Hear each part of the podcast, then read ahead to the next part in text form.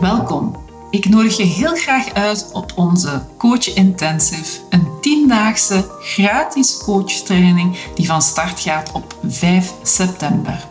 Waar we tien dagen lang jou mogen inspireren met onze breakthrough methodes, zoals systemisch werk, body-based trauma work, transactionele analyse, lichaamswerk, life coachings en zoveel meer. Het zal weer een fantastische, boeiende reis worden samen. Je kan je plekje bemachtigen door naar elsvanlaken.com te gaan. Daar vind je alle informatie. Ja, ik zou zeggen tot 5 september en vooral geniet van deze podcast. Dag Els, welkom in mijn podcast. Blij om jou hier te gast te hebben. Ja, hetzelfde hier. Ja, uh, Els, ik vind het altijd wel fijn voor de luisteraars of de kijkers dat ze wat meer weten over wie er tegenover hen zit. Dus uh, wat zou je graag vertellen over jezelf? Um, misschien als allereerste, en dat is ook wel belangrijk bij de luisteraars, ben ik als allereerste mama.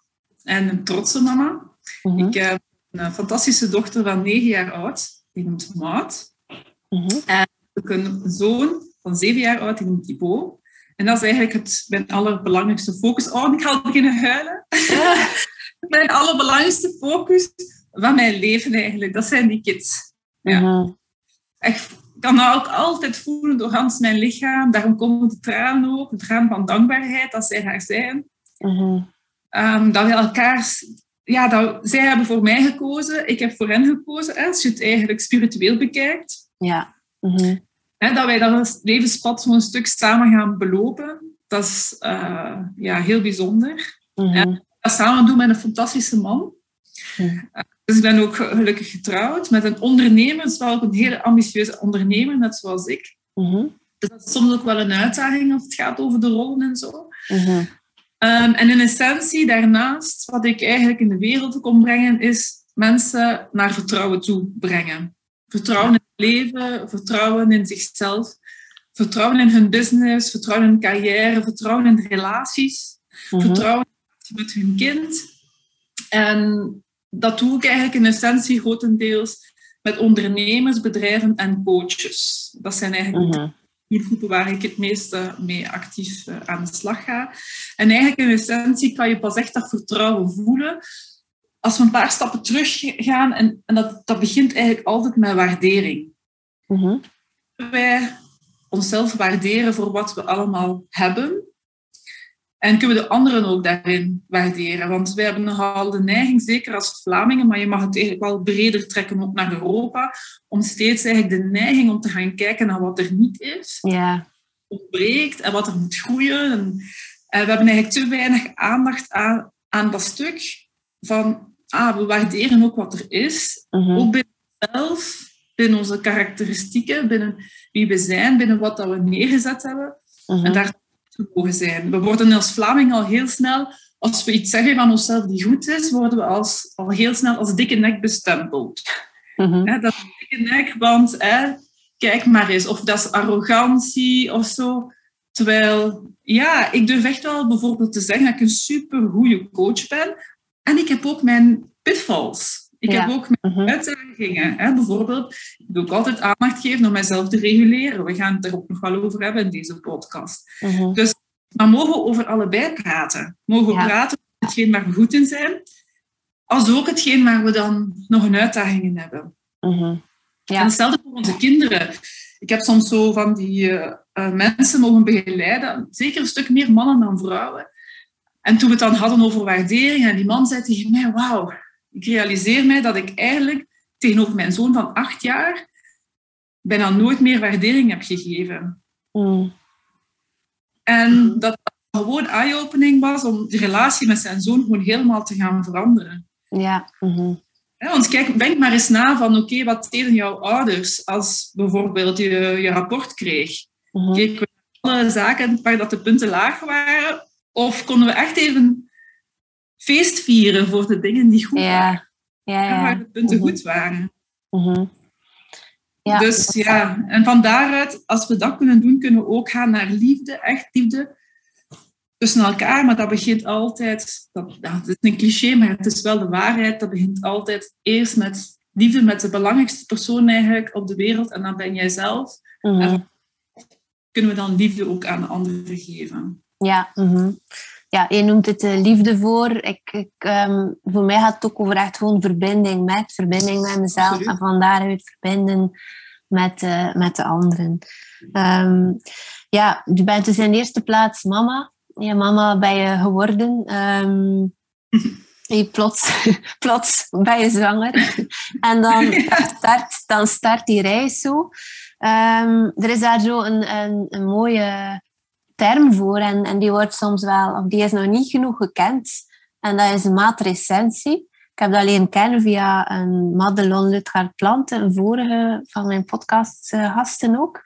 En dat is eigenlijk het transformatieproces van vrouw naar moeder.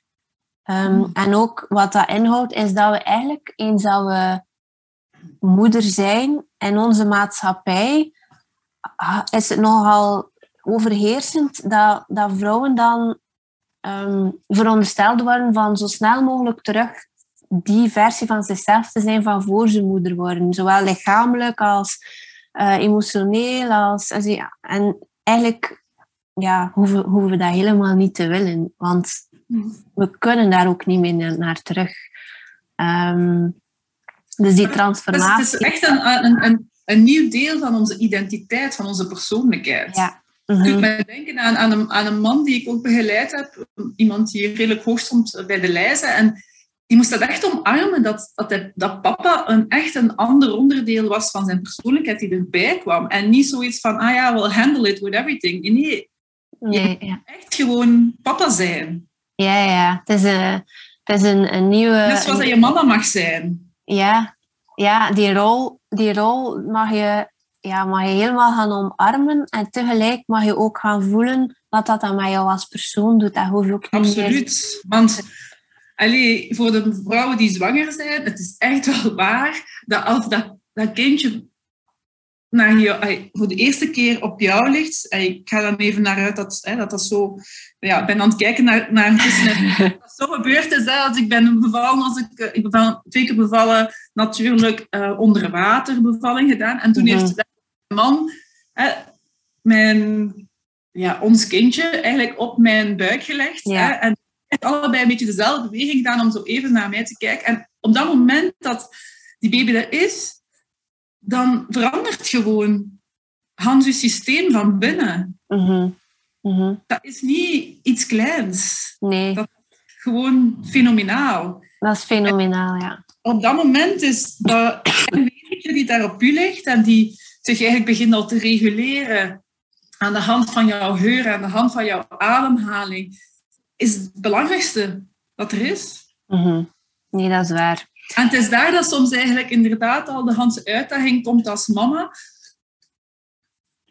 Van, ja, je bent ook nog een individu. Mm -hmm.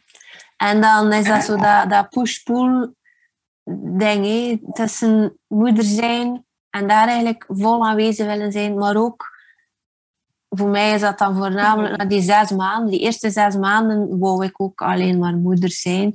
Maar daarnaast komt dan dat, dat trekken naar jezelf van hé, ik ben ook nog meer dan moeder. En hoe vind ik daar opnieuw dat evenwicht in? Heb je daar, heb je daar tips voor? Ik heb zeker uh, tips daarvoor. Ik wil eigenlijk eerst beginnen als het oké is voor als, um, als je nog zwanger bent. Mm -hmm. Want er gebeurt toch ook al heel veel met jouw lichaam als je zwanger bent. Dat is waar. En wat ik heb, heb opgemerkt, wat al een tip kan zijn, is ik vond eigenlijk dat er te weinig informatie werd gedeeld door, tussen de mama's in. Dus de mam mm. mensen die al waren en de zwangere vrouwen, laten we zeggen. Mm -hmm. Ik heb dat eigenlijk wel gemist, dat er, um, dat er af en toe gewoon mensen, allez, vriendinnen waren of zo, die een bepaalde informatie deelden. Hè? Ja. Daaraf dacht ik dan, ik zei dan tegen hen, ik ga echt, echt een, een beetje een minder smakelijk voorbeeld geven, maar als je dus aan bevallen bent en je bent aan het persen, dan kan er ook iets anders Mhm. uit van die poep komen. Hè? -hmm. ja. Bijvoorbeeld informatie die niemand mij ooit had gezegd. En dus het is mij twee keer overkomen. Ja, voilà. Dus de eerste keer, ja, je bent dan ook... Hè, ik was onder water aan, aan bevallen en je bent aan het persen. En oké, okay, je eet sowieso al niet echt tijdens die Uh, tijdens de fase dat je aan het bevallen bent. Dus dat, niet dat er daar zoveel zal uitkomen waarschijnlijk. Maar het feit dat dat gebeurde, dat ik dat eigenlijk niet onder controle had en dat niemand mij dat had gezegd, was echt zoiets van, what the fuck, wat gebeurt er? Ik voelde mm toch wat schaamte. Mm En redelijk snel opgelost. Hè. Dat wordt dan weggehaald uit dat water. En, maar gewoon, dat was al gewoon zo even een schaamtegevoel wat je niet wilt hebben als je aan het bevallen bent. Mm Bijvoorbeeld. En ik zei dan achteraf tegen mijn vriendinnen van, waarom heb je me dat niet verteld, dat dat kon gebeuren? Dan had ik dat gewoon, weet je, dan, dan weet je dat gewoon. En dan kan je dat bijvoorbeeld, ik kon dat dan tegen mijn man zeggen, die naast me stond als de beste supporter ever. Want kijk, dat kan het ook gebeuren. Hè? Ja. Ik encourageer me nog altijd als dat gebeurt, bijvoorbeeld. Dat had ik wel heel fijn gevonden. Of ehm, ja, dat is zoiets dat ik toch wel wat gemist heb. En wat ik ook gemist heb, is dat... En dat is ook, dus daar wil ik zeggen, van, ga vragen stellen. Ga vragen mhm. stellen. En Maak het bespreekbaar. Ik moet zeggen, van dat is de beste manier, maar durf wel vragen te stellen. Maar ik zou ook aan de mensen zeggen, die mama zijn en die omringd worden door een zwangere vrouw, van durf ook wel te vragen van, um, zou je graag hebben dat ik er wat dingen over vertel? En dat mhm. jij kan kiezen wat je ervan oppikt, wat je mee wilt nemen of niet. Mm Wat ook fijn zou zijn als die vrouwen bijvoorbeeld, en dat is Hans, die community van vrouwen waar dat jij mee bezig bent, wat dat fantastisch is, mhm. dat, dat, die, dat die vrouwen dan tegen die zwangere vrouw moet kunnen zeggen van, je doet het goed. Ja, ja. Mm uh, je bent al een goede mama. die bevestiging. Want mhm. als, zeker als je voor de eerste keer zwanger bent, je weet het niet. Ben je het goed aan ben je het niet goed aan het doen? Um, hè, wat, wat, is er een goed idee? Bijvoorbeeld, ik heb vaak gezongen uh, voor, mijn, voor mijn kindjes als ze in mijn buik zaten. Eenzelfde neur, uh, zo, uh, neurien. En dat je steeds als ze hun pijn doet, dan, dan noemt Nissan, wij noemen dat Nissan.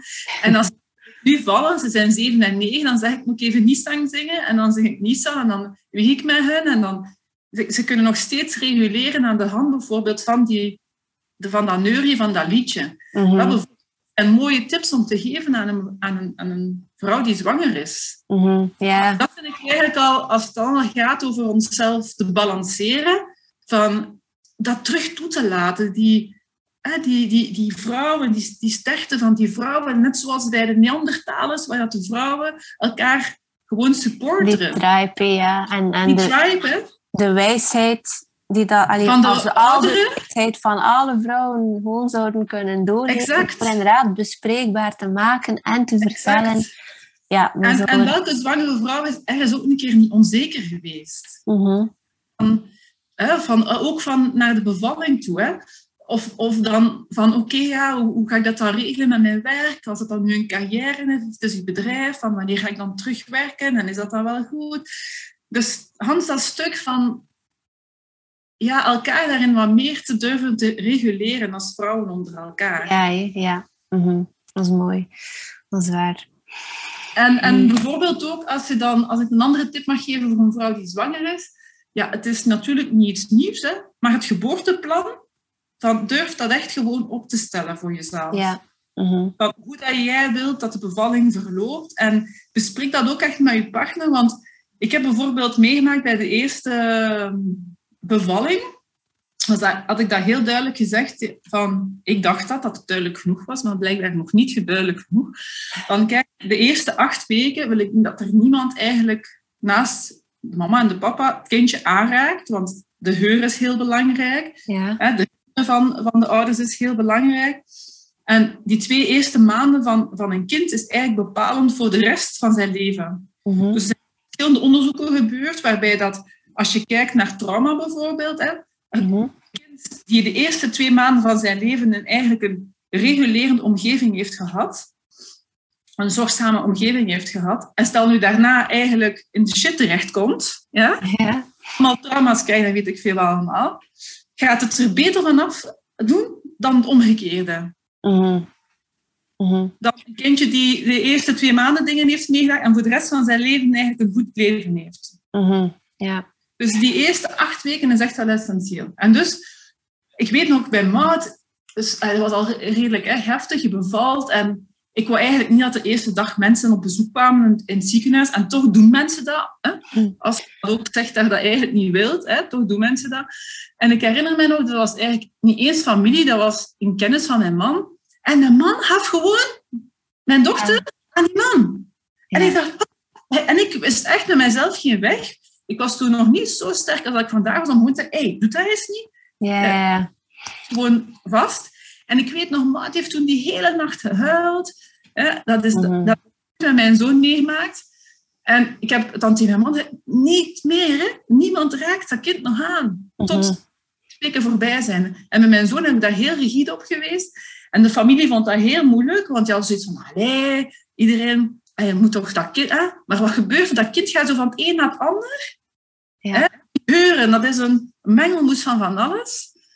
En ik wil zeggen daarmee van, durf echt gewoon heel helder te zijn ook naar je omgeving. Dus wat heb ik met die boek gedaan? Ik heb dat op voorhand nog een keer gecommuniceerd naar iedereen. Ja. Ik heb echt de eerste acht weken, ik heb dat mail nog een keer schriftelijk naar iedereen gedaan. en, en er waren, uh, die dachten, sommige dachten waarschijnlijk, hé, hey, Marco. maar I don't care. Weet je, echt gewoon te staan op hetgeen waar je voelt dat goed is. Vervolgens achter staan, ja. ja. Ja, en in die zin is... Um, als het ware zelf geboren, mijn jongste, in de fijne coronaperiode. Maar in die zin is, is, is de situatie daar rond voor veel moeders eigenlijk op dat vlak een soort van steun geweest van ze moesten zich niet verantwoorden, want het kon ook gewoon niet, die vele bezoeken en zo. Um, dus als ze er iets, uh, iets goeds Ja, zelfs de, de bezoeken. Hè. Je, allee, um, je kan ook gewoon bijvoorbeeld bij het heb ik mijn het geboortekaartje pas vijf dagen later opgestuurd of zo. Ja. Mm Bij, het, bij Mout, je doet dat dan zo snel en dezelfde eerste dag moet dat dan allemaal gebeuren en zo, maar waarom eigenlijk? Zeer herkenbaar. Bij Abel waren wij ook nog heel uh, punctueel. Ja, maar ook gewoon door het feit dat je het later opstuurt. Ja, ik was maar twee dagen in het ziekenhuis, de rest was ik thuis. Kunnen mensen al niet meer komen eigenlijk. En daarnaast zei ik dat er geboorteborrel was. -hmm. babyborrel, na drie maanden, vijf maanden of zes maanden. Dat ik bij boer dat ik dat pas na zes maanden heb gedaan. Mhm. Ja. Dus, Dan heb je ehm, echt gewoon al die tijd voor jezelf, zonder dat er daar massa mensen... Ja, ja, die cocon, mocht je zelf die cocon eigenlijk gunnen, niet voor jezelf en je kindje. Als, dat als je dat wilt, hè. Als je als dat wil, ja. Is dat je wilt, hè. -hmm. Ja. ja. Dus dat stukje van dat gewoon ja, echt durven voelen van ik ben ook heel dankbaar trouwens dat ik tijdens mijn zwangerschap um, zwangerschapsyoga heb gedaan. Ik heb dat toen gedaan met Luc. Uh, die zit onder andere in, uh, in Melle, maar ook in Oudenaarde en zo. En ja, dat is echt uh, ontzettend fijn geweest. Ik heb ook een voetvrouw gehad die eigenlijk... Ik heb een voetvrouw en een dokter gehad die mij het proces begeleid hebben. Meegegaan mhm. zijn naar het ziekenhuis. Dus niet mensen die je eigenlijk totaal niet kent als je daar dan in een ziekenhuis belandt. Hè. Want dan ken je, ja, je kent wel de gynaecoloog, maar die komt dan pas op het einde. Dus, ja. Terwijl, ja, ik ben echt heel blij dat ik dat toen gedaan heb. Maar Marcel, ik ben even van het zoeken naar zijn collega's naam. Marcia, dat is zo'n team. En die hebben dat eigenlijk fantastisch goed gedaan. Want dan voelde je ook nog weer een stuk veiliger van... Oké, okay, but they also have my back. Mm Hier, ik kan ze bellen. Ik kan, ja, dat is ook, vond ik wel heel fijn. Ja, het is eigenlijk belangrijk dat mensen weten dat er keuze is. En dat je ook voorbij de, de, wat er mainstream gebeurt, je eigen tribe of je eigen keuzes kan maken en die kan, die kan gaan communiceren. Ja, ehm, en dat wil niet zeggen, dat, en dat is het stukje waar we om dienen over te durven gaan. Ze noemen dat in, in uh, systemisch werk de dader en de slachtoffer. Hè? Dat je echt moet durven de consequenties te pakken van te zeggen hoe dat jij wilt. Want niet iedereen gaat dat leuk vinden. Mhm. Als jij iets anders doet dat tegen de algemene stroming ingaat, van hoe dat het maatschappelijk normaal gebeurt. Ja, ja, nee, dat is waar. Ik zit hier nu drie, ma drie weken en een half in Fuerteventura alleen, zonder mijn kinderen. Ik ben zeker dat er verschillende mensen van mijn omgeving denken, wat doet hij nu? Dat doet het toch niet Dat, is toch niet, dat doet het toch niet, je kinderen zo lang achterlaten. Mm Dat is een stukje hoe zeggen ze dat, momshaming, dat komt, allee, vrouwen zijn daar precies op een of andere manier wel uh, getriggerd voor om dat, om dat te gaan Absoluut. doen. Dat dat dan ook heel vaak gaat over, over een, een verlangen of een behoefte bij zichzelf. Ja, en vooral ja, ook weer daarin om dan weer... Eigenlijk in essentie komt het er altijd op neer. Zie mij, hoor mij, voel mij. Ja. En dus ook als mama. Wil je gezien, gehoord, gevoeld worden? Maar dat is eigenlijk een beetje waar dat we op termijn dat goed zou zijn als we daar kunnen uitstappen, dat we die versterking binnen onszelf kunnen voelen. En binnen een paar mensen om ons heen. Mm -hmm. en dat we van de rest eigenlijk die validatie niet meer nodig hebben. Nee, nee dat is waar. Dat we, dat we de, echt die, die externe afhankelijkheid gaan afbouwen. Reduceren, ja. Ja, en onszelf kunnen zoeken. Nee, inderdaad, dat is waar. Um, Want ik herinner me nog bijvoorbeeld een mevrouw en die zei in de, uh, de Lidl is een van mijn favoriete winkels. Ik ga daar graag. En, en, die, en ik loop daar en die vrouw zegt, uh, mijn, mijn kinderen zijn best heel energiek. Ja, ja, dat kan ook niet anders, mijn moeder en een vader zoals ik en mijn man. en best wel energiek. En dus die praten en die, die bewegen en die spelen eigenlijk ook een beetje in die winkel. En er komt zo'n vrouw langs en die zegt, zei ze nu weer, um, wow, amai, wat een onbeschofte kinderen zijn dat. En wat een slechte moeder zijn jij. Mm Ik dacht, gebeurt het nu echt? dus, uh, ik dacht, ja, weet je, dat ze tegen mij iets zeggen. Oké, okay, maar mijn kinderen, dat is echt uh, not done. Hè. Dan, uh, dan mijn haar zo wat recht staan. Mm -hmm. En dan, dus ik, ik ga zo naast, naast die vrouw en ik zeg... ik zeg, ah, ik zeg, het is eigenlijk wel jammer dat levensvreugde zo wordt afgestraft. Want uiteindelijk is het dat, hè. Een kind die nog in ja, ja even niets aantrekt van wat dat, hè, om in de, rij, in de rijtjes te lopen en het juist te doen. Uh -huh. uh, ze zei, ach, je zei even stoem als je kinderen, jij. Och. Je zei even dom als je kinderen. Ik zo, wauw. Ik zeg, uh, uh, heb jij ook, moest jij ook zo doen? Zo, moest jij dat doen zo? Van die moeder zo bewegen en doen in de winkel als je klein maakt? Ik zeg, dat weet ik niet. Ik zeg, maar, ik zeg in ieder geval, ik weet wel dat uw, ja, dat uw energie en uw levensvreugde, dat dat wel iets fijn is om te hebben. Hè? Ja. En ik, echt die hele winkel door was ze nog mee aan het kijken, zo van... hè? En ook zelf nog op de parking. En ik dacht echt zo van... Allee, daar, toch, daar heb ik nu totaal niet op kunnen in, van invloed zijn. Om daar iets... Hè? Ik, en nu zou ik eigenlijk dat nu nog helemaal anders doen, want het is al veel jaar geleden. Nu zou ik eigenlijk vooral ook liefde aan die vrouw willen geven, weten, want ze, het is maar arm. Ze loopt daar alleen werken, ze heeft geen auto, ze moet alleen rondlopen, ze is alleen. Mm Daar liefde naartoe sturen. Mm Uiteindelijk vanuit, vanuit die tekorten dat die mevrouw zo reageert. Ja, en het vraagt wel wat een, een, stuk zelfbewustzijn om in dergelijke situaties, om dat niet te laten binnenkomen en om dat niet jezelf te laten overroelen en dan mee te gaan. En jij oordeelt ah, ja, mij, dus ik oordeel terug. En... Ja, nee, dat is dat. En het ding is ook... Hoe moet ik dat zeggen? Uh, um, ja, het heeft veel, heel vaak te maken met wat natuurlijk iemand overkomen is. En ik ga terug iets zeggen over de Vlamingen. Ik denk nog altijd dat wij het er een beetje lastig mee hebben om levensvreugde te omarmen. Dat wij joyful mogen zijn. Ja. Vorig jaar ach, was vorig jaar of twee jaar geleden, toen we nog, uh, aan de, nog binnen mochten in school. Het zal twee jaar geleden zijn, zeker met die de eerste dag uh, van het schooljaar. Hè? En dan hadden ze zo'n prachtig liedje gemaakt van uh, ik, jij, hij, zij. iedereen heeft iemand nodig. En we zijn uniek eigenlijk van Clouseau. En dus ik was de enige mama die aan het meeklappen was en, en, en meezingen was. En iedereen dacht al wakko wakko hè, over mij. Dat ik daar dan wel. En op het eind van de dag hadden die kinderen ook een dansje geleerd. Ik heb ook zo gezegd, oké, het eerste studiejaar, welkom, eerste dag. En ik was keihard aan het applaudisseren. En om duur, die kinderen waren naar mij aan het kijken en begonnen ook mee te applaudisseren. Durfden zichzelf toe te laten. Dat is, hè, want de rest van die ouders er eigenlijk maar zo'n beetje te, hè, maar niet veel. Hè. En dat is mij nu al zoveel keren overkomen dat, dat mensen daar dan een oordeel op hebben. bijvoorbeeld, dan sta ik, hè, dan, dan zitten we op zo'n schoolfeest bijvoorbeeld. En dan, en dan komt mijn dochter naar voren en zegt, ja, woehoe, maat, kijk, woehoe. En dan komt er zo'n man en die zegt tegen mij, mevrouw, is alles wel oké? Okay? Hmm. Zo, ja hoor, heel goed. Yeah. En dan kan je zowel gedurende dat uur zien, of die twee uur zien, dat er durven meer mensen dat er durven doen voor hun kinderen. Maar we hebben daar zoveel schaamte op. Ja.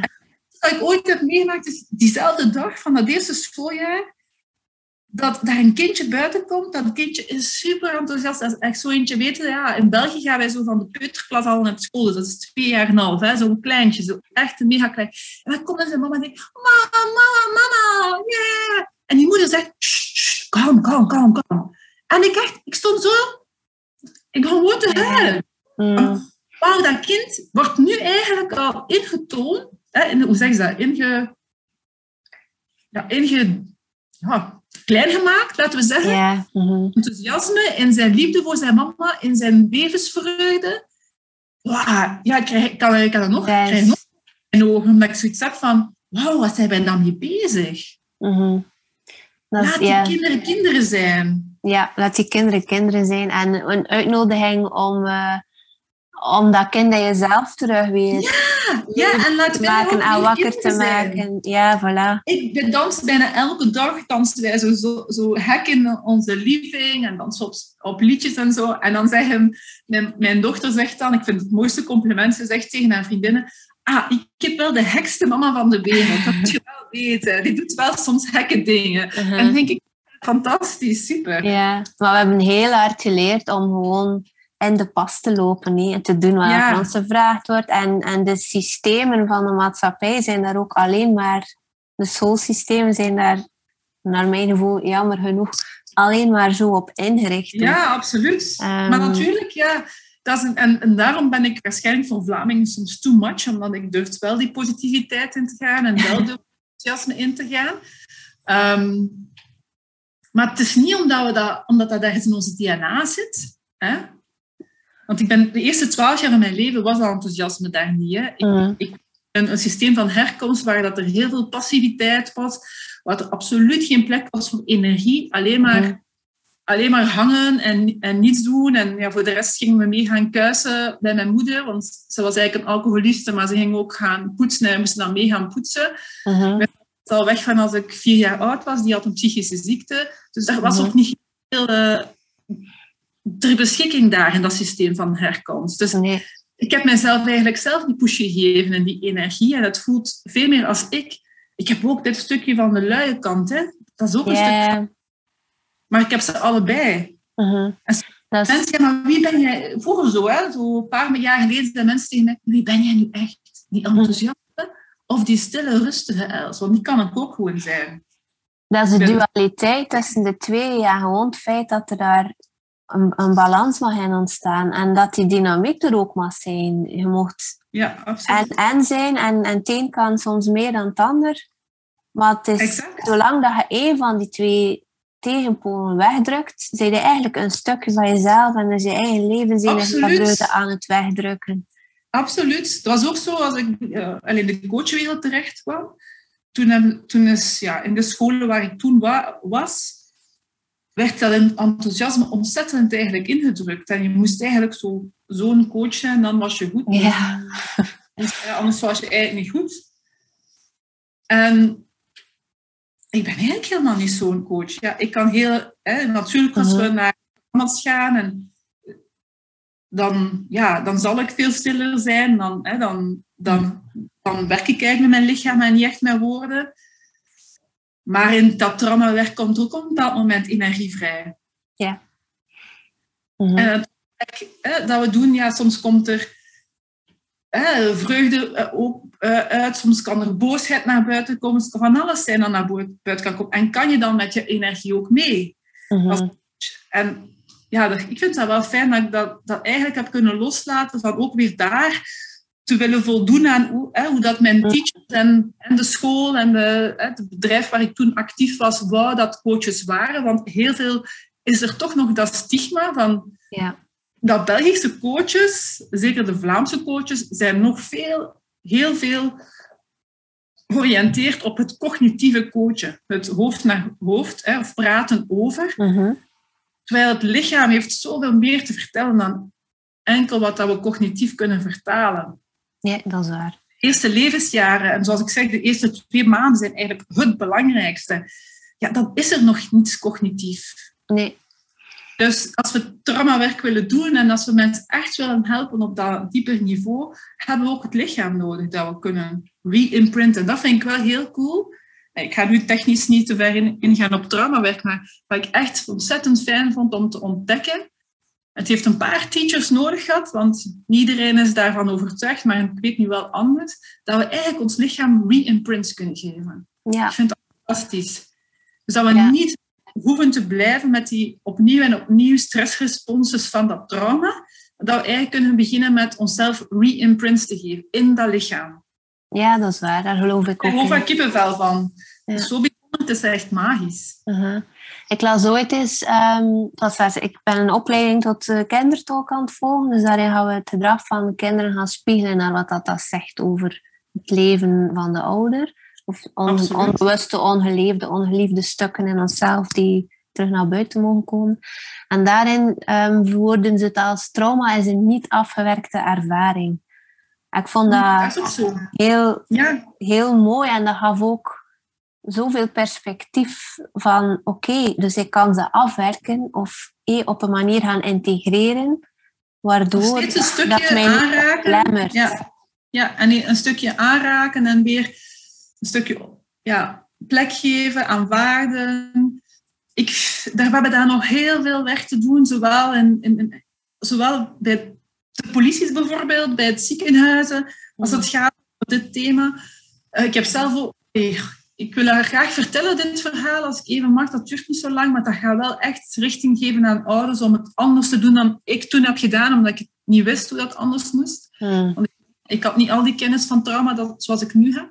Maar inderdaad, een trauma is een niet afgewerkte... Is, hè, dat, dat heeft zich eigenlijk niet helemaal uit dat lichaam kunnen bewegen. Mhm. Ik ga een persoonlijk verhaal vertellen, maar voordat ik dat ga doen, ga ik heel duidelijk een keer ver- vertellen wat we daarmee bedoelen. Zodat dat, want ik hou van Ja. simpele... Hè, dat is anders veel moeilijk allemaal. Mensen snappen niet wat is een niet afgewerkte ervaring. Mhm. Ik ga het simpel maken. Ehm, natuurlijk, als, als, als human being hebben we veel meer ter beschikking dan een dier, maar ik wil het toch even simpel vertellen aan de hand van een dier. Pak Mhm. nu een hert. Hè? Een hert en die voelt in de buurt, oh, er is hier eh, een leeuw. Dan Mhm. heeft ze verschillende manieren om te reageren. Als ze denkt van, wow, die, die, die is hier veel te dichtbij, ik ga niet kunnen weglopen, dan kan die zich gewoon naar beneden gooien. En dan kan die in een respons gaan van, ik ben dood. Ja. Net zoals dat wij kunnen doen als mens, hè, kunnen wij ook toegang hebben tot dat deel van onze hersenen. Als er een accident is en we denken we gaan doodgaan, dan kunnen wij ook naar deze staat gaan van, we zijn dood. Hè? Mhm. Mhm. Dat is ook iets dat wij ter beschikking hebben. Nu, dat gaat daar dus liggen. En stel je dat ze geluk heeft en dat eh, die leeuw zegt, goh, hier is er nu echt niets aan, dat dier is hier al dood.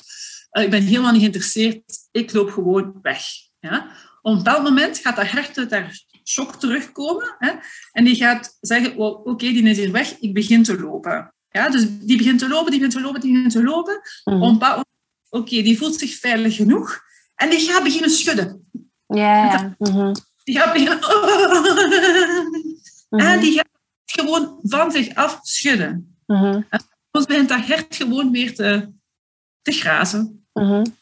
Ja. En dat, en dat is het stuk van wanneer komt er een trauma, als eigenlijk dat niet kan bijvoorbeeld, dat af, Ja. af en dat aftrillen. ja, als die dus- energie niet die bewegingsruimte Ja, wat het ook is. Hè, eh, ook, op welke manier het ook uit je lichaam wilt gaan. Mhm. Hè, en op dat moment heeft dat, dat hert geen trauma. Nee. Het, het is eruit en ça va. Hè. Mhm. Ik heb bijvoorbeeld eh, meegemaakt dat mijn dochter was toen twee jaar en een half. We waren aan zee. Ik ga het nooit vergeten, want ik ben er echt niet trots op als mama, maar ik ga het toch vertellen, want Mhm. kwetsbaarheid zorgt juist dat andere mama's daar ook weer uit kunnen leren. Mhm. En mijn man was, het was heel druk met zo'n martje en mijn man had uh, Thibaut bij zich in zo'n draagzak en we waren elkaar al verloren. Mijn telefoon was dead, dus ik kon hem ook niet bereiken, dus het was, Mhm. die was, was leeg. En ik ben met mijn auto aan het wandelen en alles gaat heel goed. En op een bepaald moment staan we zo'n standje met nagellak. Ja. En ze wou nagellak en ze had eigenlijk al heel veel nagellak. Dus ik zei tegen haar, nee, je krijgt die nagellak niet, we hebben er zoveel. Dus ik wil gerust straks je nageltjes lakken, maar niet die nagellak. Je kent dat, soms kopen ze, kopen ze van die nagellak die echt brol is. Weet je? Dus ik wou dat echt niet kopen. Ja. Ik draai mij om Ik kijk nog naar die andere dingetjes die daar staan. En zij stond naast me. Ik kijk naar rechts en ze is weg. Oh. Dus daar zat zo'n nagellakje gepakt die dat ze was beginnen gaan lopen. Ja. Tuurlijk. Ja, ik begin langs alle kanten. Hè. Dus, Hans, hè, dus dat is het interessante. Ook van op dat moment heb je eigenlijk alleen maar nog toegang tot je hersenstam. Bijna. Hè. Ja. Dus dat, gaat, dat halveert eigenlijk je intellectueel vermogen. Ja. Ongelooflijk. Maar dat is zo. En het begint te lopen. En toen heb je een meisje gezien met krulletjes haar. En, en ik dacht, oh nee, die dag ben ik met haar nog naar de zee geweest voor de allereerste keer. Die zal naar de zee gelopen zijn. Oh. En ik loop, lopen totdat ik overal een politie dan zag, kan je mij mijn dochter zoeken? Die waren dan ondertussen ook zo hè, van die redders op de zee aan het krijgen van de brandweer om te kijken dat hij niet in die zee was gegaan. En echt de langste twintig minuten van mijn leven. Ja, ja. Dus hè, kon dan, ik kan een paar momenten vond ik dan mijn man, die was dan ook natuurlijk helemaal over zijn toeren en hoe kunnen uw kind verliezen? En, uh, ja. Dus op een bepaald moment zegt, kom ik dus die politieman tegen en die zegt, we hebben ze gevonden. Dus ik begin, letterlijk wat dat hert doet, ik begin te huilen en ik begin te beven. Ja, ja. Mhm. En die man zegt, mevrouw, wilt u zelf controle houden? Uw dochter zit daar in die kom. En je moet er nu voor haar zijn, hè? U Ja. Tranen inhouden en daar voor uw dochter zijn. En wat deed ik? Want ik wist toen nog niet wat ik nu weet. Ja. Inslikken. Mhm. Mhm. Oké, ik, moet het, ik moet het kunnen, ik moet het kunnen, ik moet het kunnen. En ik ben zo aan mijn dochter gaan. Dat was the worst thing ever. Mhm. Want het kind heeft nu een trauma. Als, zich, als haar moeder zich nu had gereguleerd, dan hadden we dat veel beter kunnen doen. Ja, ja. Want nu moest dat, hè, mijn man zei, we gaan dat tegen niemand vertellen, dat moest toen geheim blijven. En weet, dat, is, dat was echt niet oké. Terwijl nu bijvoorbeeld, als er iets gebeurt, hè, we hebben een keer zo meegemaakt, twee jaar geleden, dat eh, mijn auto zo'n beetje begon te, ja, in de IJssel, ja, of in, eh, Te slepen. het ijs, ja, begon zo'n klein beetje te draaien in, in, in een... En hè, het was, je ziet zo de gracht voorgekomen en mijn dochter had dat gezien. Ik zeg, oké, stop, we keren terug naar huis. En toen hebben we daar gewoon samen in die garage staan roepen, staan trillen, staan dit, staan dat. En Ja. hup, het was eruit, het was dan. Mhm. En dat is wat dat we echt mogen volgen, wat dat lichaam wilt. Mhm. Doen.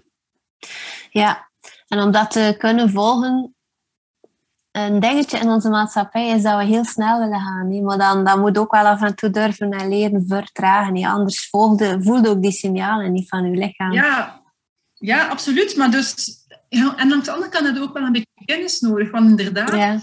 politieman dat tegen mij zei, dan klonk dat wel logisch in mijn hoofd. Ja, ik moet er voor mijn dochter zijn. Ja. Ik, ben, ik, moet, ik ben de grote, zij is de kleine. Maar had ik toen gewoon toegelaten dat daar 30 seconden, want dat duurt maar zo, soms maar zo. Mhm. Of een minuut of twee minuten, dat ik daar gewoon had kunnen uittrillen, dan was ik er veel meer voor haar kunnen zijn. Mhm. Mhm. Ja, nou, dat is soms een misopvatting, denk ik, nog bij mensen, dat trauma, maar ook emoties, onaangename emoties, dat we daar niet naartoe durven, omdat die groot en lang, maar een keer dat je die energie, die bewegingsruimte laat, dan is dat inderdaad in, in een fractie van een aantal seconden of een aantal minuutjes gewoon voorbij. Ja, Wat dat je dan voelt, ja exact. Dan is, hè, want anders zit je daar wel opgeschepen hè, met die trauma eigenlijk dan. Hè? Want dan Ja. moet je iets opruimen, laten we zeggen. ja, ja. Dat het maar een paar minuten nodig had op dat moment. Mhm. Dus ik vind dat allee, wel... Uiteindelijk, hè, dat ik daar nu... Stel nu dat ik daar nu nog een, hè, een uur, een minuut had, dus even, gewoon tegen die mensen... Kijk, ik ga nu gewoon een keer goed roepen. Hè, Mhm. hè. Hij blijft gewoon naast mij staan. Hè. En hun mensen, gaan mensen kijken, maar we gaan het ons niet aantrekken. Ja. Die gaat me niet in het gesticht steken omdat ik een minuut roep. Hè. Nee. nee, maar er is inderdaad nog heel veel onwetendheid erover. En, eh, en ja, mensen durven dat dan niet. Ook al voelen ze wel, sommige mensen wel van dit is wat ik nu nodig heb. Door de onwetendheid en het taboe die er nog is in de maatschappij, wordt het dan toch niet geuit. Eh, dus eh, het is eh, waardevol. Dat is het jammer, hè. Want, ja, want weet je, en dat is het juiste ding. Iedereen heeft trauma's. Ja.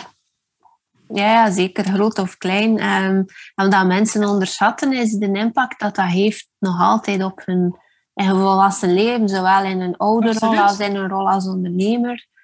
Ehm, ja, mensen, Absoluut. Wil, wil je daar iets meer over vertellen? Over, over jouw ervaring daarmee?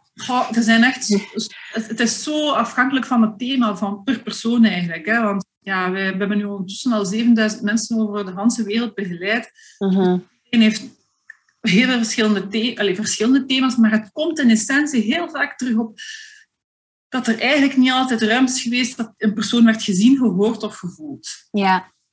Ja, en dan... En ik, ik ben nu een boek aan het lezen van Oprah Winfrey en uh, Dr. Perry. Waar is zij hier? Nou, die gaat ook over trauma. Ik had dat nooit verwacht. Van, uh, maar in ieder geval, uh, wat wil ik daar nu over vertellen? Waar, waar was het nu juist over? Ik ben even mijn plus kwijt. We hadden het over hoe dat trauma zich nou in je volwassen leven manifesteert. In je moederrol of je ouderrol of in je ondernemersrol. Ja, ah, wel, dus in dat boek van eh, Oprah Winfrey, dat was het. Um, zegt, ook, zegt zij ook van, kijk, van al die duizenden mensen die ik gesproken heb, ik denk dat zij iets van 2000 mensen ondertussen in haar uh, shows heeft gehad, en zegt ze, mhm. het is altijd hetzelfde. Het eerste wat ze mij vragen is, heb ik het goed gedaan? Mm. Ja. En dat wel echt sprekend, zo van hè, hoe dat wij nog altijd zo nood hebben aan die erkenning van de anderen. Ja. Aan de andere kant is dat ook niet zo heel erg, maar bijvoorbeeld, ik zeg nu maar iets, als je dan uh, niet aan jezelf werkt en je hebt nog heel veel de bevestiging van anderen nodig. Je bent een ondernemer en je gaat je dienst of je product aanbieden bij een nieuwe klant. Mm en die bijvoorbeeld die zegt, ah oh nee, ik ben eigenlijk helemaal niet geïnteresseerd, ik vind het geen goed voorstel. En als je op dat moment dus niet aan jezelf hebt gewerkt, dan zou je eigenlijk helemaal dat kunnen persoonlijk nemen en zeggen, ik ben niet goed, ik zou er maar beter mee stoppen, -hmm. gaat niet lukken. Of je gaat bijvoorbeeld niet durven naar een bepaalde klant toestappen die je heel graag als jouw klant zou hebben, mm -hmm. omdat ah, nee, ik ben het niet waard, uh, er zijn veel betere opties dan ik. Dus ja, het gaat heel veel over dat thema. En natuurlijk kan het op verschillende manieren. Dat is eigenlijk het symptoom die zich eigenlijk toont. Mhm. En wat we doen is, we coachen beyond the symptoms. We gaan mhm. eigenlijk... Die angel? Hè? Waar zit die angel vast daar in het verleden? En die moet eigenlijk uitgetrokken worden. En dan kan het mhm. heel veel verschillende zijn. Ja. Uh, ja. Uh, sommige mensen zijn niet, zijn niet gezien, sommige mensen zijn misbruikt, sommige mensen ja, het zijn zoveel verschillende thema's die dan vervolgens de angel kunnen zijn, ja. die, die nodig zijn om uit te... Maar er zijn echt heel veel verschillende zaken die kunnen gebeuren binnen jouw professionele leven, waar je geen link mee maakt van, ah, dat is omdat er dit of dat is geweest in het verleden. Mm Ja, en sommige ja. mensen zeggen, ah ja, nou ja, het verleden is mm waar, ik ben er absoluut over akkoord, dat het gaat over het hier en nu. Maar soms kan er iets nog als een soort van ja, ballast aan jou. Mm Weet je, zoals vroeger in de, in de gevangenissen, dat ze zo van die bollen daar zo aan hangen. en zo'n ketting met zo'n bol aan je been. Hè? Ja. Zoiets eigenlijk. En dat ja. gewicht kan schevig zijn. Ja, maar er is, een, er is voor mij een verschil tussen het verleden is aan, in, inderdaad het verleden en we gaan het nu gaan werken. En sommige mensen denken dan dat we in een potje gaan gaan roeren. Um, maar, maar dat is niet hoe, dat, hoe dat ik het ook zie. Je kunt dingen uit het verleden aanraken, maar hoeft daarom niet weer in dat verhaal te gaan.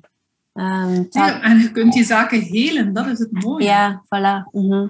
Maar het is inderdaad zo, allee, dat is ook een van de redenen dat, dat, er, dat er sommige mensen uh, uiteindelijk niet durven bijvoorbeeld in onze programma's te stappen, zoals Playback Me, waar dat we eigenlijk ja, echt mensen helpen om naar die dat vertrouwen in hunzelf te gaan en in die zelfliefde, is omdat ze bang zijn van, maar was wij die pot hier openen? En we ja. weten, een pot hier openen. Hè? Mm -hmm. gaat die pot openen. Die gaan niet eraf blijven, want die gaan in de diepte. Mm -hmm. Wat kan gebeuren? Gaan mijn leven er niet slechter uitzien? En die zijn echt... Ja, en dat is moeilijk om te verwoorden, dan sowieso als die zaken geheeld worden, dat dat leven drastisch positief verandert. Ja. Wie kan Hade, jij weet dat ook, want je, hebt het, ah, je doet het ook als coach, je beleeft het al. Mm Maar het zijn op, uiteindelijk onze woorden. Zij moeten daarin kunnen vertrouwen. In, als begeleiders dat wij inderdaad, dat hun leven er beter gaat uitzien daarna. Maar dat is mhm. niet iedereen om daar in dat vertrouwen te kunnen gaan. Nee, nee, dat is waar.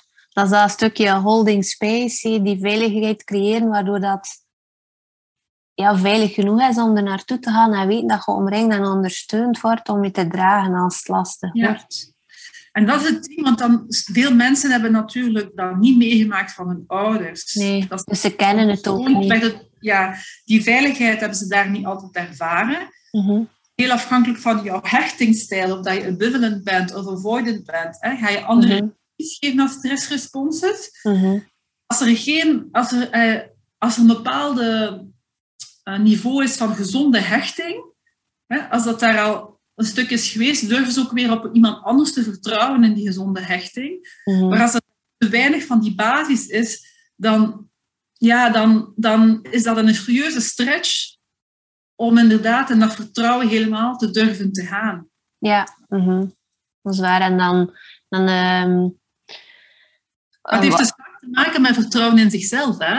Ja, ja, ja.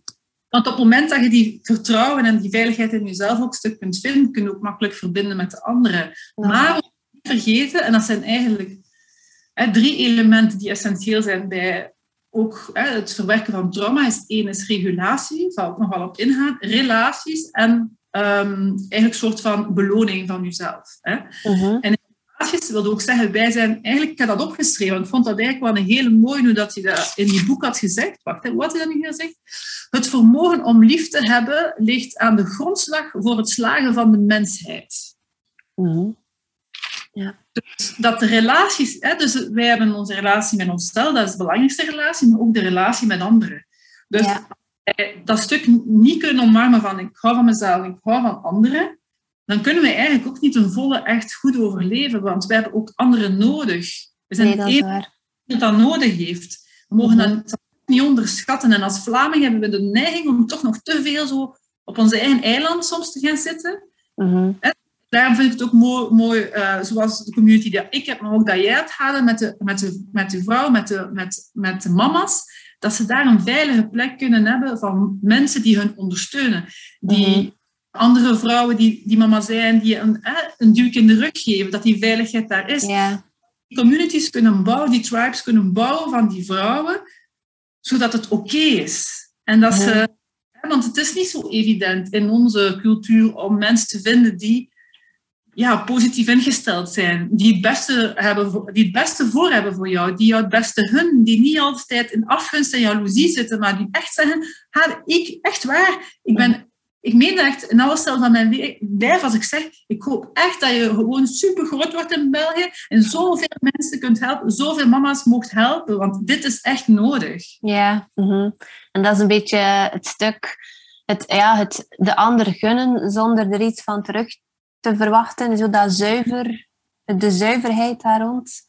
Um, dat is ook vaak een, een En sowieso, allee, zelfs altijd als je geeft zonder iets terug te verwachten, er komt altijd wel ergens iets terug. Ja, uh, Geven bedoel, nemen vanuit... systemisch wordt altijd in balans gebracht. Uh Ja, ik bedoel vanuit um, het, het geven om, om zelf iets bij jezelf op te vullen. Zo. Ah, zo. Ja, dat, Is, echt, eh, dat is trouwens ook een hele belangrijke voor de mama's heel vaak, of, of echtgenoten, ik ga het zo zeggen, hè, het is een, uh, het een man of een vrouw is, we hebben heel vaak voor onze partner gekozen, hè, omdat er natuurlijk iets is dat we heel fijn vonden aan onze partner. Na de verliefdheidsfase hebben we de neiging dat die man dan vervolgens dingen moet gaan opvullen die we eigenlijk gemist hebben. Ja? Dus bijvoorbeeld, je, je bent niet gezien uh, door je vader, dus wilt je door je man gezien worden en wil dat je bijvoorbeeld dat hij continu bevestiging geeft en waardering geeft en zo verder. Mhm. En het ding is dat systemisch, en dat vind ik wel heel interessant, het systemisch, wat gebeurt er eigenlijk? Dat uw partner begint loyaal te worden aan de thema's van uw familiesysteem. Ja. En dat is iets waar dat bijna nog niemand van op de hoogte is. Dat is eigenlijk nog een goed bewaard geheim. Ja. Dus bijvoorbeeld als ik kijk in mijn eigen relatie, een bepaald moment eh, dacht ik, oh, deze informatie heb ik nu, deze kennis heb ik. Mijn man gaat zich dus eigenlijk gaan confirmeren aan de thema's die nog spelen vanuit mijn systeem van herkomst. Dus hij gaat dat eigenlijk gaan kopiëren. Aha, oké. want een van de thema's was dat hij eigenlijk, eh, hij is ook ondernemer, hij is op zondag thuis, maar voor de rest is hij eigenlijk niet zo heel veel thuis. En als hij dan thuis is, is hij eigenlijk vaak met zijn telefoon bezig, dus is hij niet echt present. En ja. dus dacht ik, wauw, die presence is exactly nog een thema waar ik op aan het werken ben. En ook nog een thema die echt van mijn familiesysteem is. Want mijn moeder was alcoholiste, die was eigenlijk altijd oud aan de hand van alcohol. Omdat hij dan eigenlijk dus de donkerheid en de duisternis van het leven niet moest inzien. Mm -hmm. En die ging naar zijn psychische ziekte achtervolgingswaanzin. Dus die was ook oud. Dus er was geen hier en nu echt bij hun twee. Heel, uh... en dan is mijn man dit dus nog aan het doen. Dan denk ik, wauw. Dus daarom werk ik heel actief op dat thema, zodat mijn man mag stoppen met dat te kopiëren vanuit mijn familiesysteem. Ja, het is, uh, het is uh, waardevol dat je dat deelt. Ik had het ook zo zelf nog niet bekeken. En het valt me ook op hoeveel gelijkenissen hebben dat we met vroeger. Want bij mij was het net omgekeerd. Mijn mama psychisch ziek en mijn papa had iets met alcohol. Dus, uh... ja, kijk. dus dat is misschien ook een thema van presence, hè? van aanwezig kunnen zijn in het hier en nu. Of, hè? Vaak gaan we bijvoorbeeld als een van onze overlevingsmechanismes gaan we gaan, gaan kiezen voor dissociatie. Sommige mhm. mensen kiezen voor dissociatie, dat wil zeggen, ik ben er even niet meer. Hè? Een gezonde dissociatie is bijvoorbeeld, je leest een boek en je gaat helemaal in de fantasiewereld van dat boek. Hè? Mhm. Dat is een actieve dissociatie. Maar je kan ook al bijvoorbeeld Stel nu dat je, eh, mijn moeder is bijvoorbeeld veel slaap door mijn vader, die zal wel dissociatie gebruikt hebben als overlevingsmechanisme. Dat wil zeggen, je, je ziet die slag aankomen en je gaat gewoon naar, naar binnen en naar La Land, en, zodat je die een stuk minder moet voelen. Uh dus iedereen heeft zijn eigen overlevingsmechanismes en het interessante is dat we dus echt dienen gaan stilstaan ook van oké, welk overlevingsmechanisme speelt jij nog in mijn rol als mama? In mijn rol als echtgenoot. Uh Welke mag ik nu wel een beetje beginnen minderen? Hè? Of uh zelfs uh, goodbye tegen zeggen. Wat, ik, uh, wat dat ik ervaar bij de mensen dat ik uh, ondersteun, is dan dat ze zo het allemaal in een keer willen. um, en zo eh, heel enthousiast Miracle pill. Ja, maar zo werkt het niet. um, hoe, hoe ga je er zelf mee om? Of, of wat geef je daaraan mee? Of hoe, heb je daar tips rond? Van, ja. Ik herken heel veel van uw klanten, want ik ben zelf ook Mrs. Ongeduld. Ik wil het ook gewoon uh, gisteren, hè, als het komt. Uh -huh. uh, dus ja, het is sowieso een proces. En zoals ik uh, zei, toen we nog niet op de recording hadden gedrukt, was van ja, als er zich bepaalde dingen, uh, als je bepaalde dingen um, aan jezelf werkt op bepaalde thema's, als we een paar schellen van de ajuin halen, laten we zeggen, hè, we kuisen bepaalde dingen op, zo noem ik dat vaak. En er komt ruimte voor iets nieuws en een nieuw stuk in je leven, dat je vervolgens weer iets nieuws tegenkomt, ja. waar je dan weer klaar voor bent om op te werken. Ja. Dus ik kan voor mijzelf zeggen, ik laat mijzelf twee keer per maand coachen door mijn eigen leermeesters. En mhm. dat doe ik nu al vijf jaar. Dus het is een continu proces. En dus kunnen we niet verwachten van onze klanten, als wij al 15 jaar bezig zijn, dat zij het op zes maanden kunnen uh, doen. Wel, wat ik wel leuk vind, is bijvoorbeeld, ja, jij hebt jouw zes maand programma, ik heb mijn zes maand programma. En wat ik wel gedaan heb, is alle dingen die voor mij hebben gewerkt en die voor heel veel van mijn klanten hebben gewerkt, die heb ik allemaal in dat zes maand programma gestoken. Ja. Dus -huh. echt willen, kunnen echt heel grote stappen maken. En dat is wel wat ik zie. En je hebt dat ook al bevestigd in jouw community, is de veiligheid die wij -huh. creëren vanuit... Hè, um, wij doen heel veel rond het I'm okay, you're okay, no judgment, geen veroordeling. Dat ja. zal bij jou anders zijn. -huh. En vanuit die veiligheid kunnen ze zich wel openen. En dan kan de, de lagen eronder, laten we zeggen, waar dat normaal bij een andere coach op dat niveau zouden kunnen werken, kunnen wij wel daar al beginnen werken. Mm -hmm. Dus we weten ontzettend veel. Dus ik geloof wel dat de competenties of de, de vaardigheden van de coach wel een verschil kunnen maken in de snelheid waarbij uw klant vooruit gaat. Ja. ja? Maar alles in zes maanden kan opgelost, dat is inderdaad ja, een illusie. Um, ik zit nu zelf hier in Fuerteventura voor drie weken en een half, hè, zonder mijn kinderen voor de allereerste keer. Want ja, ik ben altijd al tien jaar met mijn kinderen overal op reis geweest. Ik zeg mm -hmm. tien jaar omdat al in mijn buik zat natuurlijk dan. uh, zij is negen nu, uh, dus altijd alles met mijn kinderen. En ik heb eigenlijk, ja, en dat, is, dat heeft te maken met het thema van ongeduld. Ik heb eigenlijk mijzelf, ik, allez, ik ga het zo zeggen toen eerst ben ik dus, uh, was ik aan het werken bij Danone, op een heel hoog niveau. Dus mijn bedoeling was, ik werkte toen in Nederland, dat ik dan ging terugkomen als marketingdirecteur van Danone Nutritia, uh, het babygedeelte. En mm -hmm. ik voelde, ik wil dat eigenlijk helemaal niet doen. Uh, en ik had toen de gelegenheid gehad in Nederland om ook een coachopleiding te beginnen doen. En ik voelde, ja, dat is wat ik wil gaan doen. Mhm. Ehm, en het ding is dat ik daar vervolgens ben ik dan naar de grootste coachingschool van België gegaan. Ben ik daar ook teacher geworden. Dus dat is allemaal heel goed gegaan. Mhm. Ehm, maar ehm, ja, hoe moet ik het zeggen?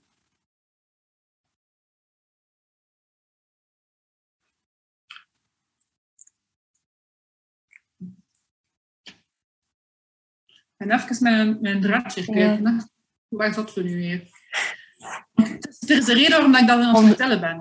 Ongeduld. Ja, ongeduld. Ja, dankjewel. Ja, dat is fantastisch. Dat is een coach die heel goed actief kan luisteren. Dat is fantastisch. Dus in dat ongeduld. Dus in, toen ik in die coachingschool was, toen heb ik ook heel veel gewerkt op mijn identiteit. En op een bepaald moment dat beeld. En ik zag een beeld waar ik dus inderdaad... Ik zag mezelf als self-love unlocker. Ja. En dat is jaar geleden een self-love unlocker. Daar is toen ooit Yes to Me geboren. Dat is nu eh, ondertussen Els Laken Breakthrough Academy geworden. Maar ik zag toen al een zaal met duizenden mensen. Ja. Het was super scherp, dat beeld was su- ja. Dus, dus toen ik dan uiteindelijk weggegaan ben van die school en hè, eh, mijn eigen bedrijf helemaal de kaart heb gezet. Dus ik heb eigenlijk twee bedrijven. Yes to Trust is gericht naar bedrijven toe. En Els Breakthrough Academy naar ondernemers en coaches. Mhm. Dat stuk, ja, dat, dat was die, dat stuk met die self-love unlocking. Dus ik zag duizenden mensen tegenover mij staan. En dus, daar komt het stuk ongeduld. Hè? Want als ik nu kijk in mijn groepen, dan heb ik soms 15 mensen, soms 30 mensen. Maar eigenlijk voelt het alsof er daar 100 moeten zitten. Ja. Mhm. Ja, in mijn betalende programma's. Want, hè, bijvoorbeeld, ik doe een coach intensive. eh, in deze week dat deze uitzending wordt uitgestuurd, hè, Mhm. wordt, gaat het dan ook tegelijkertijd een coach intensive. Dat is eigenlijk tien dagen. Er zijn dan duizend mensen ingeschreven. Duizend mensen die daar mag, mag begeleiden. Er Mhm. komen altijd een selectie van die dan uw programma's gaat gaan doen. Mhm.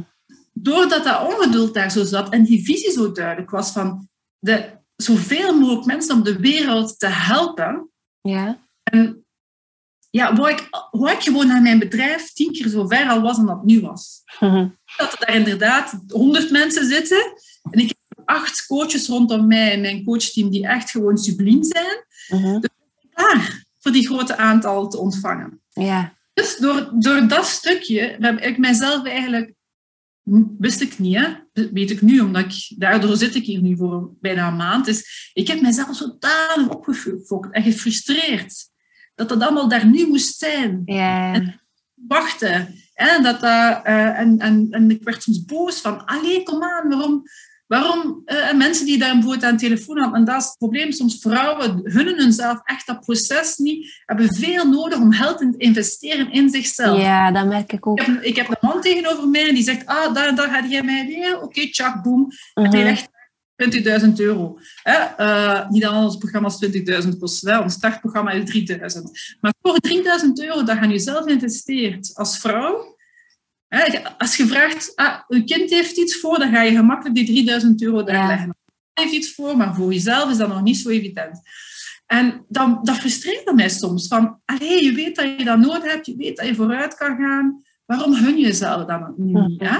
En ik ging dan maar harder gaan werken en dan nog meer marketing doen en dit en dat. En eigenlijk in essentie was er gebeurd in mijn hersenen.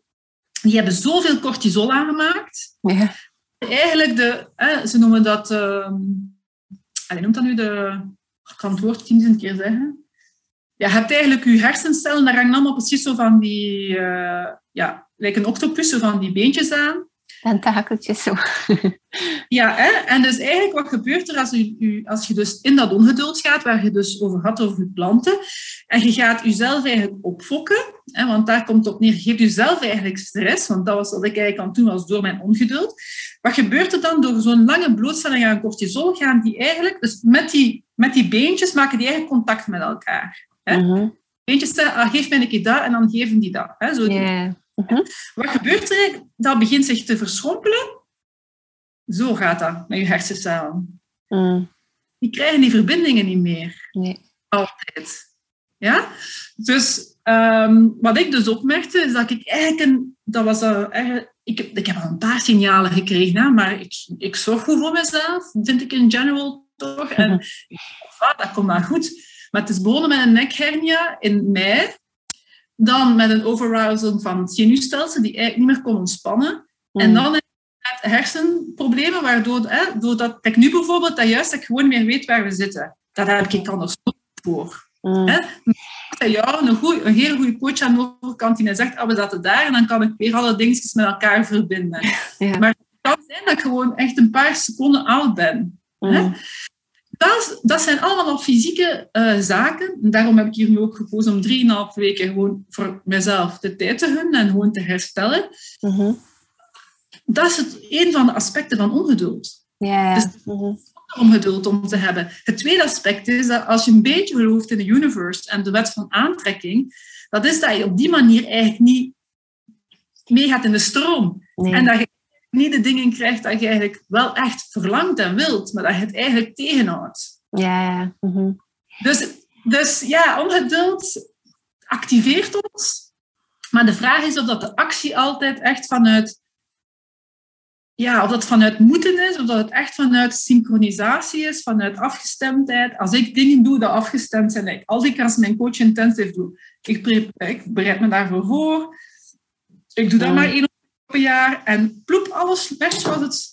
Dat, yeah. dat ik gewoon congruent ben van wat ik doe.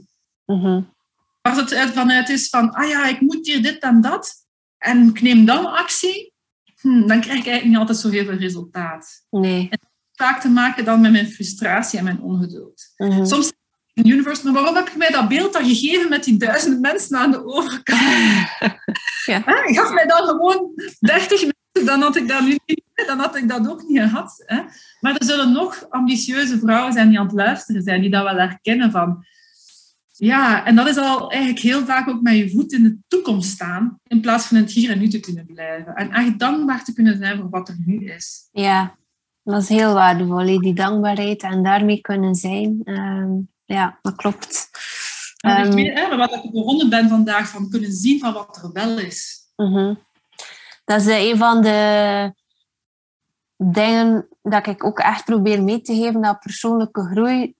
Het idee dat, daar, dat dat enkel alleen maar kommer en kwel is en, en, en uh, die kwetsuren en uh, ik, ik, ik doe echt zo'n mix van de twee. We gaan, gaan gloeien naar dat verlangen en, en vanuit dat, die manifestatiekracht ook, die joy, die ease, die flow, die gratitude. En als we daar die energie van voelen, is het ook, voel ik bij mezelf en ook bij de mensen die ik ondersteun, is het ook makkelijker om naar die kwetsuren te gaan. Je kunt, de draagkracht is groter dan, ook, dan als ze alleen maar daarop richt. Ik, ik, noem het vaak, ik noem het vaak hè, schaduwwerk en lichtwerk. Ja, dat is mooi. Ja, dat is mooi. We mhm. pakken de schaduw aan en dan komt er meer ruimte voor licht. En ja, mhm. die, die licht maakt, dat licht maakt. Ik heb heel veel mensen, echt heel veel mensen van de mensen die wij begeleiden, die dan naar, hè, we hebben zo ook een live dag in ons Playbook stuk En dan doen we eigenlijk proceswerk en kuisen we echt heel veel dingen op ja. als coaches. Die dan vervolgens daarna ineens ploep, ploep, klanten binnenkrijgen zonder dat ze er iets voor hoeven te doen. Mm. Of met een man hebt of een zoon. dus we, hebben daar, we kunnen daar boeken van schrijven. Van, mm. hè, dat is mooi. Daarvan. Dat hoor dus, ik ook soms zo. Van, van men, ah ja, hadden en dit en dit gebeurt nu. En dat, dat komt nu gewoon zo plots. En ik heb je daar niks voor gedaan. Zo. Ja. ja. Maar ja, ze hebben dat niet, ze hebben niet gedaan. Niet ze hebben het vertrouwen ingegaan. Ja, ja, voilà. Ze hebben het vertrouwen ingegaan om, ja. om zich door een expert te laten begeleiden. Mm Ja. Ja, ik, ik zeg vaak dat, dat, dat ze ja, te, ja zeggen tegen zichzelf met bijvoorbeeld dan een traject bij mij of bij iemand anders, maar dat het echt gaat over die ja voor zichzelf en het zichzelf absoluut, Absoluut. Ik heb zoveel keren ook, hè, dat als mensen dan inderdaad, ik zeg niet ja tegen jezelf, maar ik zeg altijd ja aan jezelf. Hè. Mhm. Als mensen inderdaad instappen in een programma en bijvoorbeeld het programma stapt, start maar drie weken later of zo, of een maand later, dat die dan ja. beginnen sturen wat dat er de effecten dan is. En dat is het feit dat je tegen Universe zegt, ik zeg ja. Ja. ja de zaken gaan zich al ontvouwen. Dat, dat merk ik ook. Ik had een vrouw en die kwam bij mij in één op één. En die zei, in de eerste plaats wil ik werken rond uh, mijn rookprobleem. Dus ik dacht, oké, dat is nu niet de thema's waar we het meest op werken. Maar zegt, ja, voor mij is het echt belangrijk, ik wil er van af. Uh-huh. Want dat is een soort van verslaving om bepaalde dingen op te vullen. Dat is uh-huh. waar. Verslavingen zijn altijd eigenlijk een soort van beloningsgedrag voor trauma's. Hè? Ja. Uh-huh. En dus ze betaalt dat traject. En vervolgens voor het de eerste sessie plaatsen zegt ze, ja, ik ben al gestopt. we konden dus naar, niet naar het symptoom gaan of niet naar het overlevingsmechanisme, maar we konden gaan naar het diepere niveau. Ja. Ja, ja, dat merk ik ook. Dat die ja, die ja op zich al van alles in beweging brengt. Dat is fantastisch. Ja, dat is mooi, hè? Ja, ja. dat is dan echt thank you, dus- universe. Ja, wel, en dat is het stukje waar ik... ik vroeger vond ik dat best scary om om commercieel te durven zijn of om over mijn producten en mijn diensten te vertellen. Ik heb ooit een mentor gehad en die zei tegen mij, Elsie, je bent een dief. En ik dacht, wat, ik een dief? Ik ben helemaal geen dief, van ik geef zoveel gratis en dit en dat. En toen zei hij, ja, je bent een dief, omdat jij weet dat je binnen dit en twee weken iemands leven kan helemaal laten veranderen. Klopt dat? Ik zei ja. ja dus je bent een dief, want je bent niet capabel om je product te verkopen. Och, ja. Als je dat wel zou doen, dan zou je veel meer mensen levenstransformerende uh, ervaring geven. En dat heeft bij mij echt de knop doen omdraaien. Uh Ik had toen eigenlijk een salespersoon die in mijn team zat. En ik heb toen gezegd, oké, nu moet ik dat zelf leren. Uh toe om vrouwen te helpen, om mensen te helpen, om mannen te helpen, om ja te zeggen aan mezelf. Ja. Dat is het eigenlijk. Ja, en als ook als... Als product kopen, zeggen ze ja aan hunzelf. En wat, wat, um, wat aan mij daarin ook helpt, is wat geef ik mee aan mijn kinderen mee? Als ik dat aan mezelf geef, dan leer ik Absoluut. dat ook kunnen en mogen doen. Dat is het dus. Inderdaad, als zij aan hunzelf werken, dan is dat sowieso helend voor de kinderen voor. Hè? Ja, maar ook. De generatie die voor hen staat. Hè? Uh De generatie achter hen. En dus dat is ook de moeders en de vaders en ja. de opa's hebben daar dus ook voordeel van. Hè? Ja, en het collectief dan. Hè? Dat, uh... Ongelooflijk. Dat is ongelooflijk. Er zijn dingen gebeurd. Ik heb, ik heb ook uh, nu sinds een paar jaar terug contact met mijn moeder en ik heb ze twintig jaar niet gezien.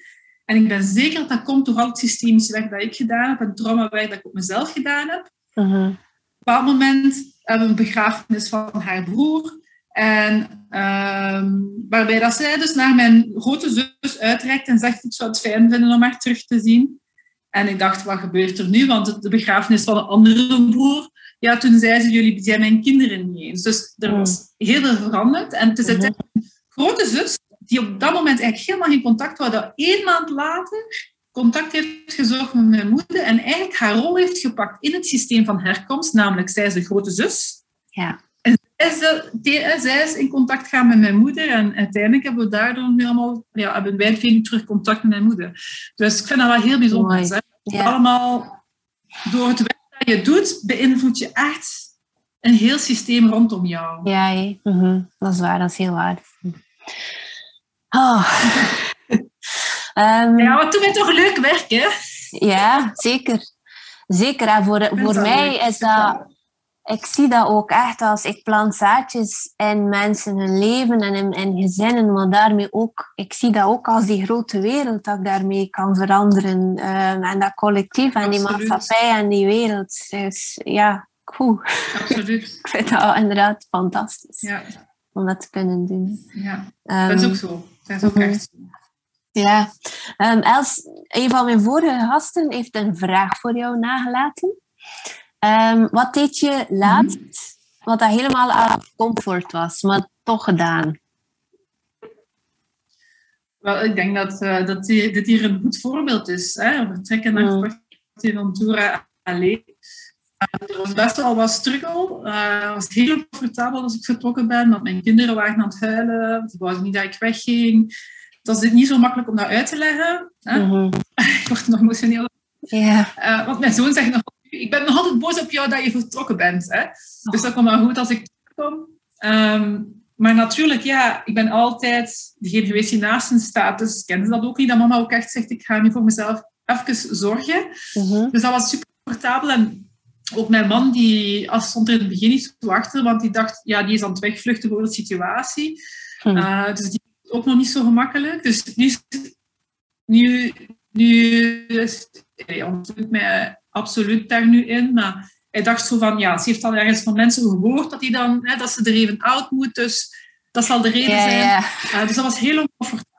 Ook uiteindelijk, in mijn, hè, want mijn dochter zei, je moet mij wakker maken als je vertrekt. En ik zeg, ik ga dat niet doen, dat is om één uur s'nachts. Nee, je moet dat doen, mama. Ik zeg, oké, maar dan gaan we niet de tijd erop opnieuw huilen, want ja, hè.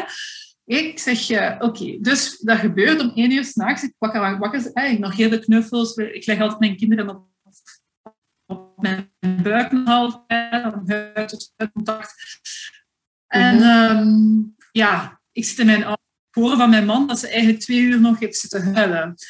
Dus terwijl ik in, op weg naar Düsseldorf was, weet, dat was echt niet zo evident. En uh, ja, ik vond dat heel oncomfortabel. Van, hè, die gaat dan in heel veel dingen naar jezelf. Van, ben ik nu wel goed? Mama, doe dat nu wel goed? Mag ik dat nu wel doen? Ben ik dit nu wel waard? Mag ik dit? Mag ik dit? Maar dit is echt een hele goede beslissing geweest om mm -hmm. echt die ruimte voor me te creëren. Mm -hmm. Ja. Uh, dus ja, en ik kom als een betere mama terug. Ja, dat, dat is zeker. Uh, en ik, ja. dat is uh, zo'n metafoor die, die ja, je waarschijnlijk ook wel gebruikt naar de mama's, maar eentje die, ik, die voor mij ook altijd heeft gewerkt als mama, is dat, die metafoor van, die, um, van een vliegtuig, dat, die zak uh, van mijn zuurstof. Ja, eerst jezelf. Ja, eerst jezelf zuurstof geven, dan jouw kinderen. En ik weet dat ik daar echt zo over zit nadenken van oké, okay, ja, dat is echt dat altijd wel. Maar dan ben ik echt in de beleving gegaan. Van oké, okay, stel dat ik dan eerst aan mijn kinderen geef, wat ik eigenlijk zou doen. Dan val ik waarschijnlijk flauw en kan ik ze eigenlijk niet meer naar de exit brengen. Mm. En ik ontneem ze mogelijk hun leven. Dat heeft bij mij echt schakels gemaakt. Van, mm. hè, en, en dat is eigenlijk een van de grootste... Er zijn drie dingen. Eén is reguleren, twee is relaties, derde is belonen het reguleren van jezelf, hè, dus eigenlijk is dat een bepaalde ritme vinden voor jezelf om te kunnen reguleren, is echt een belangrijke tip voor je mama zijnde. Ja. Uh-huh. En ik heb bijvoorbeeld beseft, ik heb eigenlijk alles, alles, alles eigenlijk in, in functie van die kids gezet. Ik heb mijn businessplan helemaal aangepast, dus ik ben blij hè, dat ik dat gedaan heb. want als het dan gaat over balans in de verschillende rollen, um, eerst werkte ik bij Danone, als ik dat blijven doen, ja, dan ging, mijn man naar Nederland verhuizen, anders ging dat niet gegaan zijn. Dat is al één ding. Maar mocht ik in Brussel blijven werken, ja, je kent het heel goed, de files richting Brussel. Ja, Dat ging echt zo evident geweest zijn. Dan vervolgens, oké, dus ik zeg oké, ik ga richting die coach. Uh, en toen werkte ik eigenlijk voor alle grote bedrijven in, in België. Proximus, Accenture, uh, daar ging ik over gaan geven. En ik was eigenlijk vier dagen op vijf training aan het geven en dan één dag coaching aan het doen. Dus ik ging eigenlijk heel vaak, ik, ik, zie mij daar nog hè, in mijn auto met uh, mijn twee, uh, zo'n, weet wel, zo een pomp, zo twee automatische ja. pompen voor je, je, je melk af ja. Dus twee van die zaken, dan een doek erover. Hè. En dan tegen dat ik bij Proximus kwam, uh, had ik twee flessen ja. melk. Die stak ik dan in de receptie. In de, in de, dus ook elke pauze was ik aan het uh, borstvoeding aan het... Uh, aan het het hebben eigenlijk allebei acht maanden borstvoeding gehad, dus ik wou dat toen ook wel zeker doen. En dan had ik echt door. Op een bepaald moment stond ik daar om zeven uur weg morgens en ik dacht... Dat is het niet, hè. Dat is echt niet wat ik wil. ik wil echt een ander leven voor mijzelf en mijn kinderen. Ik wil bij mijn kinderen, ik wil gewoon echt bij hen zijn. En dus heb ik echt gezegd, oh, weet je, je moet er ook echt kunnen loskoppelen van je ego. Hè? Ja, ja. De vrouwen die aan het luisteren zijn, want die ambitieuze vrouwen kunnen zeggen, ja, maar ja, je zit bij Coca-Cola, bij die, bij dat, bij al die grote bedrijven. En ik weet nog dat de eigenares van, van, uh, van die school, waar ik heel dankbaar voor ben, want ze heeft mij heel veel geleerd, een van mijn eerste leermeesters, maar die zei ook tegen mij van, ja, goh, weet je, alles gebeurt in Brussel en Antwerpen. Weet je, daar echt in Oudenarde, waar jij zit, daar gaat echt niemand komen. Dus vergeet dat maar, dat gaat nooit niet lukken als je alleen probeert. Dus ik heb me daar een beetje door laten klein houden. Ja. Ik had ook een soort van moederrol op. Zo. Dus dat, ja, dat is echt heel dubbel wat daar toen gebeurd is. En uiteindelijk heb ik toch gekozen om dat te doen.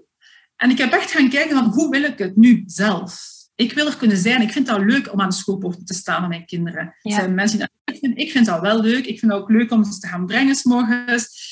Dus ik ben dan gaan kijken, oké, okay, ik wil graag, wat wil ik graag doen in mijn leven? Ik wil graag veel mensen helpen, in dat vertrouwen, in dat liefde voor mezelf.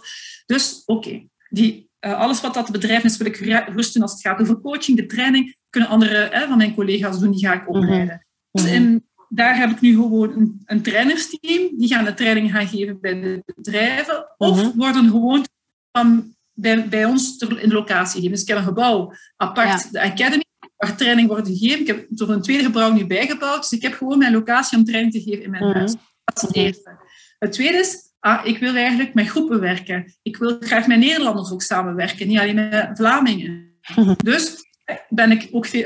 de helft van mijn van mijn klanten zijn Nederlanders, de helft zijn Vlamingen. Of soms mhm. zelf, zelf meer Nederlanders dan Vlamingen. Mhm. en, uh, en ik wil dus ook een stuk eh, online kunnen werken, dat, dat ik dan de Nederlanders niet altijd moet naar hier kunnen brengen. Ja. Uh, dus ik heb zo verschillende beslissingen genomen en dan die programma's op basis daarvan eigenlijk opgesteld. Dus eerst van mhm. wat wil ik What's, what's living on my terms? Wat is business on my terms? En dan vervolgens mijn business daarop afgetuned. Mm, dat is heel herkenbaar voor mij. Mm. Ja, en dat stukje, maar dat ik nu zeker nog hè, vanuit mijn huidige situatie ook wel additioneel toevoegen, is dat ik daarin nog altijd mijn focus heel veel op mijn kinderen had. Mhm. Dus ik moet daar om hier staan aan school. Hè, en dan was ik eigenlijk tot 20 uur 30 met hen bezig. En dan vervolgens, wat mijn zoon zo niet slapen, want mijn zoon slaapt heel graag bij ons. Dus uiteindelijk beland je dan om 20.30 uur bed met je zoon en heb je eigenlijk geen tijd meer, geen tijd voor jezelf. Mm. En wat ik dus nu echt besef, van, als ik bijvoorbeeld zou zeggen van, oké, mijn coaching stoppen dan hè, meestal om kwart na drie, en dan heb ik nog tijd om ze op tijd te gaan ophalen.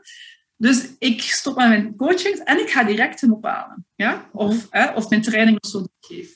En het besef dat ik nu heb gedaan, is van, nee, dat gaat anders moeten. Ja. Daarmee bedoel ik, ik moet eigenlijk, of niet ik moet, ik mag mijzelf eigenlijk de ruimte gunnen om echt die regulatietijd elke dag te genereren. En ik kan zelf kiezen hoeveel ik dat doe. Wil ik dat om 8 uur 30 doen, als ik ze ga afzetten aan school? Of misschien wil ik dat wel om 15 uur doen, of om half drie mm. bijvoorbeeld. Mm -hmm. En dan een uur nemen voor mezelf, voor ik de kinderen ga ophalen. Mm -hmm. Weet je, mijn man die reguleert zichzelf aan de hand van sport. Maar die sport elke dag. Mm. En die heeft twee, die heeft een, een spinningruimte en een fitnessgebouw um, in zijn gebouw nu, waar dat hij zijn bedrijf heeft. Dus die kan zichzelf elke dag reguleren. Ja. En ik had echt zo het besef van, ah ja, want hè, ik zeg dan, ah ja, nee, ik moet er om half vier zijn, want anders ben ik weer een geen goede mama. Want ik moet toch al die tijd die ter beschikking is met de kinderen spenderen. Ja, Mm. En het is daar dat ik echt de tip wil geven. En ja, kijk, ik ben nu ondertussen al negen jaar mama. En het is pas nu echt dat ik het echt helemaal door heb. Want iedereen zegt altijd, ja, je moet zelf zorgen. Je moet voor jezelf goed zorgen. hè? En iedereen weet dat. En dat is ja, ja. Maar emotioneel is nog iets anders. Mm Ik kan nu echt als tip geven van echt neem dat serieus. Neem dat Want het is dat ik mij niet genoeg gereguleerd heb dat ik, dat ik daar nu fysieke uh, symptomen ja? waar dat ik nu doorheen uh, gaan. Hè? Dus, um, als, dus dat is echt mijn, mijn ding van oké, ik ga me elke dag reguleren. Mhm. En als ik een hele dag training geef of ik ben een hele dag met proceswerk bezig geweest, dan hun ik mijzelf de dag daarna ook gewoon tijd om mij te reguleren weer. Want wij doen niet werk van oppervlakkigheid. Wij, hè, wij, wij zetten onszelf ook in als vehicle om die trauma's op te ruimen. Dus er komt wel iets langs ons lichaam ook, langs bijvoorbeeld. En, stel nu um, dat je niet ondernemer bent, want als je ondernemer bent, kan je beslissen met wie je samenwerkt. Hè? Dus ik kan kiezen wie mijn team is en zo verder. Maar stel dat je in een bedrijf werkt, dan kan het ook zijn dat je een collega hebt die niet, al, niet altijd goed mee functioneert of niet mhm. altijd goed en dat er discussies zijn of je voelt van, ja, hè, we kennen dat, hè, het gaat niet altijd zo goed. Ja. Uh Het is ook echt, echt tijd nodig om, om al die emoties even te reguleren. Uh Ja, dat is waar. Dat is ook herkenbaar bij mezelf. Ehm, en iets wat ik, ja, zes, zeven van de tien keer erin slaag, maar dan toch een aantal keren niet. En dan draag ik daar de gevolgen ook wel van. Um, ik vond wel Um, ze, zeggen zelfzorg het is heel belangrijk.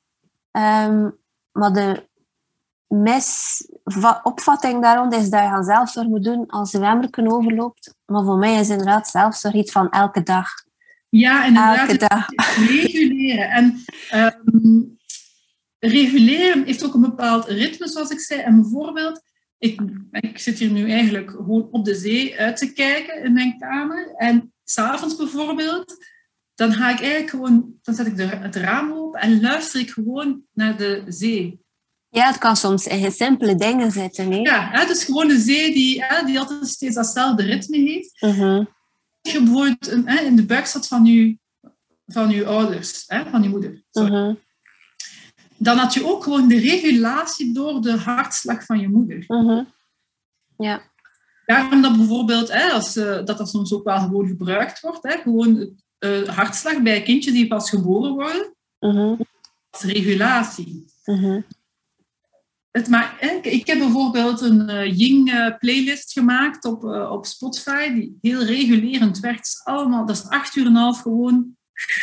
Ja, ik denk dat ze, ze staat in mijn bibliotheek ondertussen. Ja, je hebt fantastisch. gedeeld via Instagram. En... Ja, dus eh, het, is, eh, het is zeker een, een aanrader om, om, Mhm. om erop te abonneren, want het is, ja, er komt altijd muziek bij, dus het is echt heel mooi. Dat is bijvoorbeeld een mogelijkheid. Maar er zijn zoveel mogelijkheden om te reguleren. Bijvoorbeeld een goede partij seks met mijn man. Ja, ook, ja. is absoluut regulerend. Want oxytocine komt vrij, dat is het Mhm. gelukshormoon.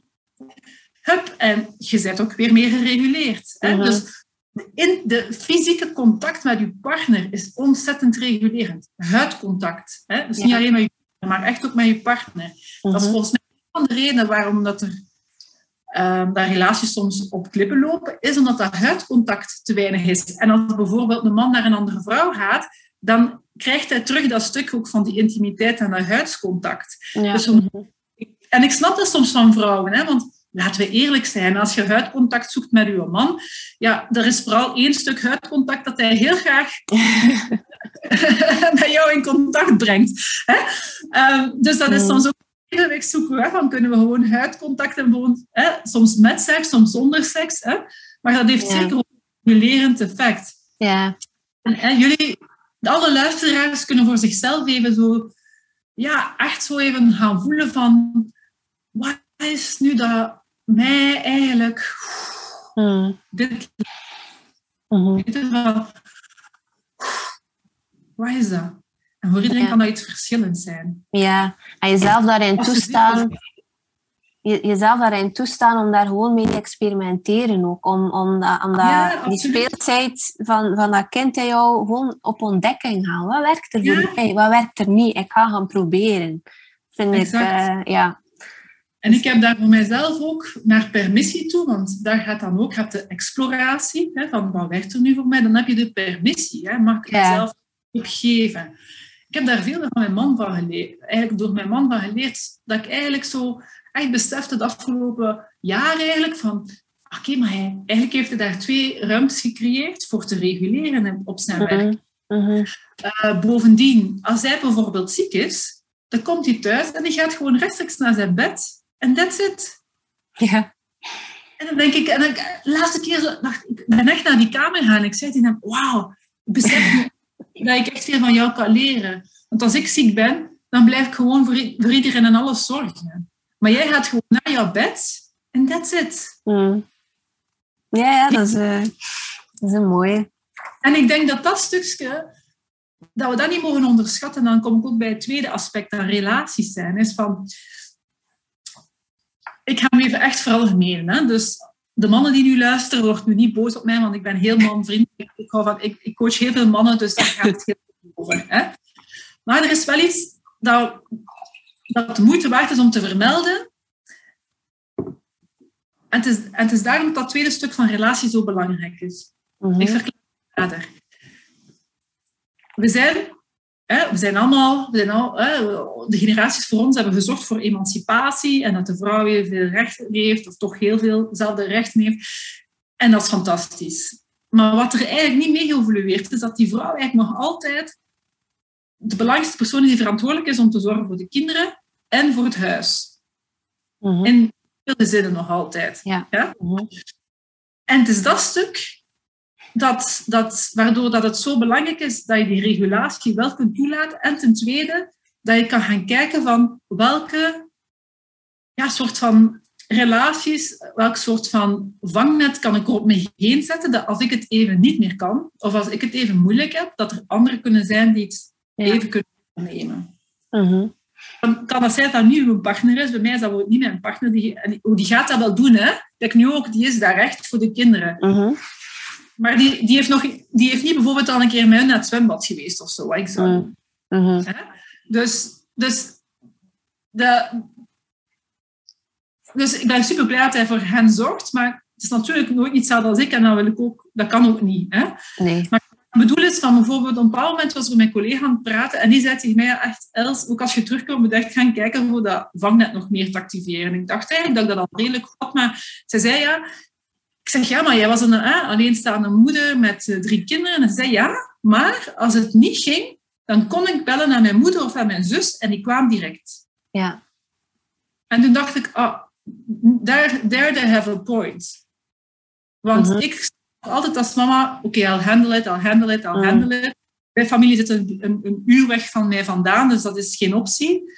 Ehm, dat we als vrouwen echt kijken van, oké, welke omgeving kunnen we gaan creëren Ja. dat, we, dat we niet in schaamte moeten gaan als het even een keer een dag niet minder gaat. Hè? Dat Mhm. we minder gaat. En dat we een keer durven ook uit te reiken naar anderen daarin. Mhm. En die relaties zijn dan mensen die, ja, waar dat je dan positief gestimuleerd door wordt, die je ondersteunen, die je supporten. Niet, die, niet de mensen die, als je dan naar belt, die dan tegen u gaan zeggen van, maar je moet je dat toch niet aantrekken, Eh, dat is toch niet belangrijk. En eh, en, eh, al, dit gaat, dat zijn dingen die niet helpen. Hè? Iemand die kan zeggen, oké, je voelt je wel minder, geen probleem, ik kom de kids halen of ik kom naar, je, naar jou toe, vertrek maar of zoiets weten. Gewoon zonder enige Ja. veroordeling. Mhm. Mhm. Zonder enige veroordeling. Ook niet dat er wordt een oplossing gegeven. Of, op dat moment is dat misschien heel, weet, je, weet je misschien heel goed wat je nodig hebt, of misschien ook niet. En dan kan je aan hen ook vragen. Ja. Mhm. Maar Maar dat is echt belangrijk. En, en je omringen met mensen die jou voeden. En die Ja. ook kan voeden. Mhm. En die jou laten zijn. Zijn, op zijn niveau. Ja. niet verwachten dat jij een bepaalde persoon bent, zoals het zou moeten zijn of zoals zij verwachten, maar dat je echt gewoon jezelf mag, mag zijn. Mhm. Ja, En dat waar. geen 10.000 mensen zijn. Ik heb nu vriendinnen rond mij die, waar ik gewoon mezelf ben en zij zelf zijn. En dat is gewoon heerlijk. Mhm. Ja, Niemand verwacht dat te voldoen. dat is waar. Dat heb ik ook zelf... Geen, eh, ruimtes, geen ruimtes moeten invullen, geen tekorten van, geen verlangens, geen gemissen van mensen moeten invullen. Maar, en dat is het grote voordeel als je met mensen kan je omringen die al een bepaald... Meestal zijn dat mensen die al aan hunzelf gewerkt hebben, mhm. veel veiliger hechtingsstijl hebben. Mhm. Ja. Ze die Mhm. veiligheid kunnen hechten. Mhm. Ja, Dus, en dat is, ja. dat is ook iets wat dat wel een beetje eigen is voor mij dan aan, aan persoonlijke groei, dat die tribe wel verandert zo. Ehm, Absoluut. dat is ook helemaal oké. oké. Ja, voilà. En dat is, Mhm. ook, dat is een heel belangrijke gade wat je zegt. Dus van, en ook daarmee oké zijn, dat dat Ja. evolueert. Iemand Want zei we me ooit... geen- we zijn geen statisch gegeven, hè? we Nee. zijn dynamisch gegeven. Nee, en iemand zei me ooit, eh, love your tribes voor wat dat ze betekend hebben. Dus Absoluut. nee, hetgeen van vroeger is, is oké eh, en dat heeft veel betekend. En hetgeen van nu, maar zo niet dat, die schaamte omdat je mensen loslaat of zo. Ja, vind ik, dat, dat helpt mij wel zo. Hm. Ja, de dankbaarheid en het eren Ja. voor wat ze hebben gebracht, Ja, hé. Mhm. die hebben gebracht, en voor wat ze misschien nooit gaan brengen. Hè? Ook dat Ja. stuk ervan, niet vanuit boosheid, maar vanuit Nee. liefde. Nou, Oké, ik heb bijvoorbeeld geen contact meer met mijn grote broer, die is elf jaar ouder dan ik, door omstandigheden met zijn vrouw. En ik was er nog gisteren aan het denken, ik voel heel veel liefde naar mijn broer. Dus ik blijf alleen maar liefde uitstralen naar hem, ook al hebben we geen contact. Mhm. En dat is, want dat, dat, weet je, het moment dat je dat niet doet, het moment dat je blijft in een bepaalde struggle, dan ehm, ben je eigenlijk ook heel met jezelf. Ja, ja. Dus als ik weer als je negatieve vibes naar andere mensen brengt, of jaloers bent, of weet ik veel, of boosheid of whatever, hè, dan is het echt interessant om te gaan kijken van, hé, hey, maar Ja, ja, spiegelen. Nee. Dat ik zelf dien te bekijken. Mhm. zodat, hè, want meestal is dan dat die persoon je iets triggert. Ja, ja. Ja, dat is een van mijn stokpaardjes. uh, spiegelen, projectie buitenwereld op je binnenwereld. Ja, en dan te durven dat stuk ook aan te gaan, hè, zodat je daar rustiger kan zijn. Echt, moment dat je iedereen gewoon alles kunt gunnen, hè, dan verandert de wereld echt ontzettend. Nee, dat is waar. Dat is waar. En, en, en het is daarom dat zo'n tribe hè, van uh, dat, je, hè, dat jij... Gelijkwaardigheid. Ja, gewoon dat stukje van... En misschien ook wel een interessante om te zeggen tegen de mama's die in het begin met een, een babytje zijn, is dus um, de zorg, uh, algemeen helpt in het leven van iemand, dat hoe meer zorgende persoon dat iemand heeft, hoe beter dat hij zich eigenlijk zijn model van de wereld gaat gaan vormen en eigenlijk gaat zeggen, mensen zijn vriendelijk, hè, of mensen zijn... Hè.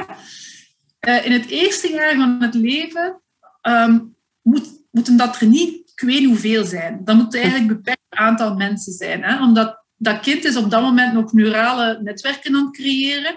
En dan mhm. is consistentie en structuur wel belangrijk. Mhm. Dus bijvoorbeeld, ik zeg maar iets, uh, uh, in, in de crèches waar dan mijn kinderen geweest zijn, de uh, opvang, dan was het altijd het tweezelfde mensen. Mm -hmm. Ja, Stel dat je zou werken met een crash die werkt met heel veel stagiairs bijvoorbeeld, en dat dat continu draait, ja. ja dat is dat eigenlijk te weinig structuur voor je kinderen. Mm Dus ik wou dat nog even meegeven, omdat mhm. dat verschillend is tussen het eerste levensjaar en de rest van het leven eigenlijk. Mhm. Dus daarna is het eigenlijk um, dan wel bijdragend als ze met verschillende ja, sowieso. zo. Ja, sowieso, maar... In het eerste jaar ook. Dus daar is het, in het eerste jaar ook, dat is een misvatting. Hè. Vaak denken we, oh, de beste is alleen maar de mama en de papa. Maar dat is eigenlijk helemaal niet waar. Want er kan perfect andere caregivers zijn. Ja. Mhm. Ik denk aan de caregivers, de de verantwoordelijke van de crash van mijn kinderen geweest zijn. Ah, dat was gewoon liefde. Mm. Die mensen waren alleen maar liefde. Dus dat is ontzettend voedend geweest voor mijn kinderen. Mm-hmm. Maar stel nu dat je ze vier keer van crash in dat eerste jaar, dat is niet gezond. Nee, nee, dat snap ik. Omdat dat systeem, die, in, die hersentjes zijn zich nog ontzettend aan het ontwikkelen. Hè. Die krijgen te weinig tijd om steeds hetzelfde te zeggen van, ah, die moeten ze weer opnieuw beginnen met iemand anders. Dus daarin is de consistentie wel fijn. Mhm. Ja. Mhm. ja. Maar zeker niet, niet aarzelen om bijvoorbeeld... Uh, ik heb daar ook veel te lang mee gewacht. Tegen dat ik de eerste keer uh, wegging en een keer met mijn kinderen, een keer alleen. Hè? Maar als ik keer kinderen een avond bij oma en opa blijven, die ze eigenlijk heel goed kennen, dat is echt oké. Okay. Mm. Een weekend. Dat zijn alleen maar herinneringen die ze kunnen maken met bijvoorbeeld twee belangrijke mensen uit hun, uit hun familiesysteem. Nee, dat is waar. Dat is waar. Dat is een, een, eh, een groeipuntje hier. Wat zeg je? Uh, een groeipuntje hier. Maar onder andere door ah, ja, corona um, ja, eh, hebben ze eigenlijk nog altijd niet bepaalde mensen goed leren kennen. Dus uh, we zijn daar, uh, we zijn daar in, in ontwikkeling. Ja, we hopen dat dat nu verandert. Hè, met uh, alles zal zich wel terug een beetje hopelijk terug normaal gaan. Uh.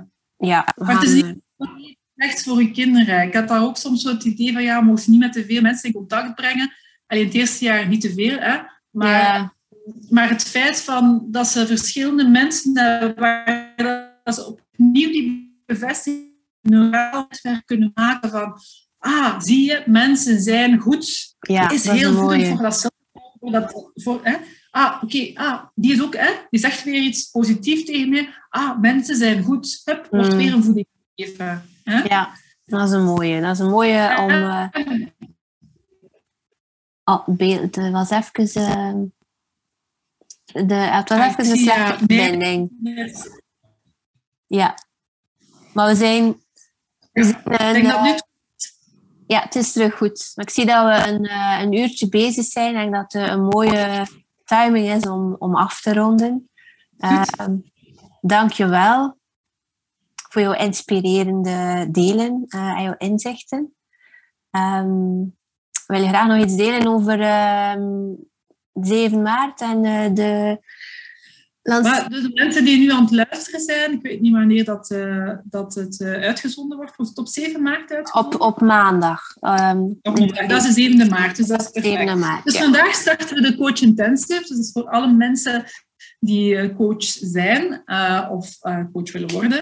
Die eigenlijk willen zich laten triggeren door de niet-cognitieve methodes. Hè? Dus om mm. dus te zeggen van methodes die kunnen gebruikt worden. Dus we, we doen bijvoorbeeld een dag rond systemisch werk. Het is altijd één uurtje dat ik live ga, dat ik ook de vragen beantwoord.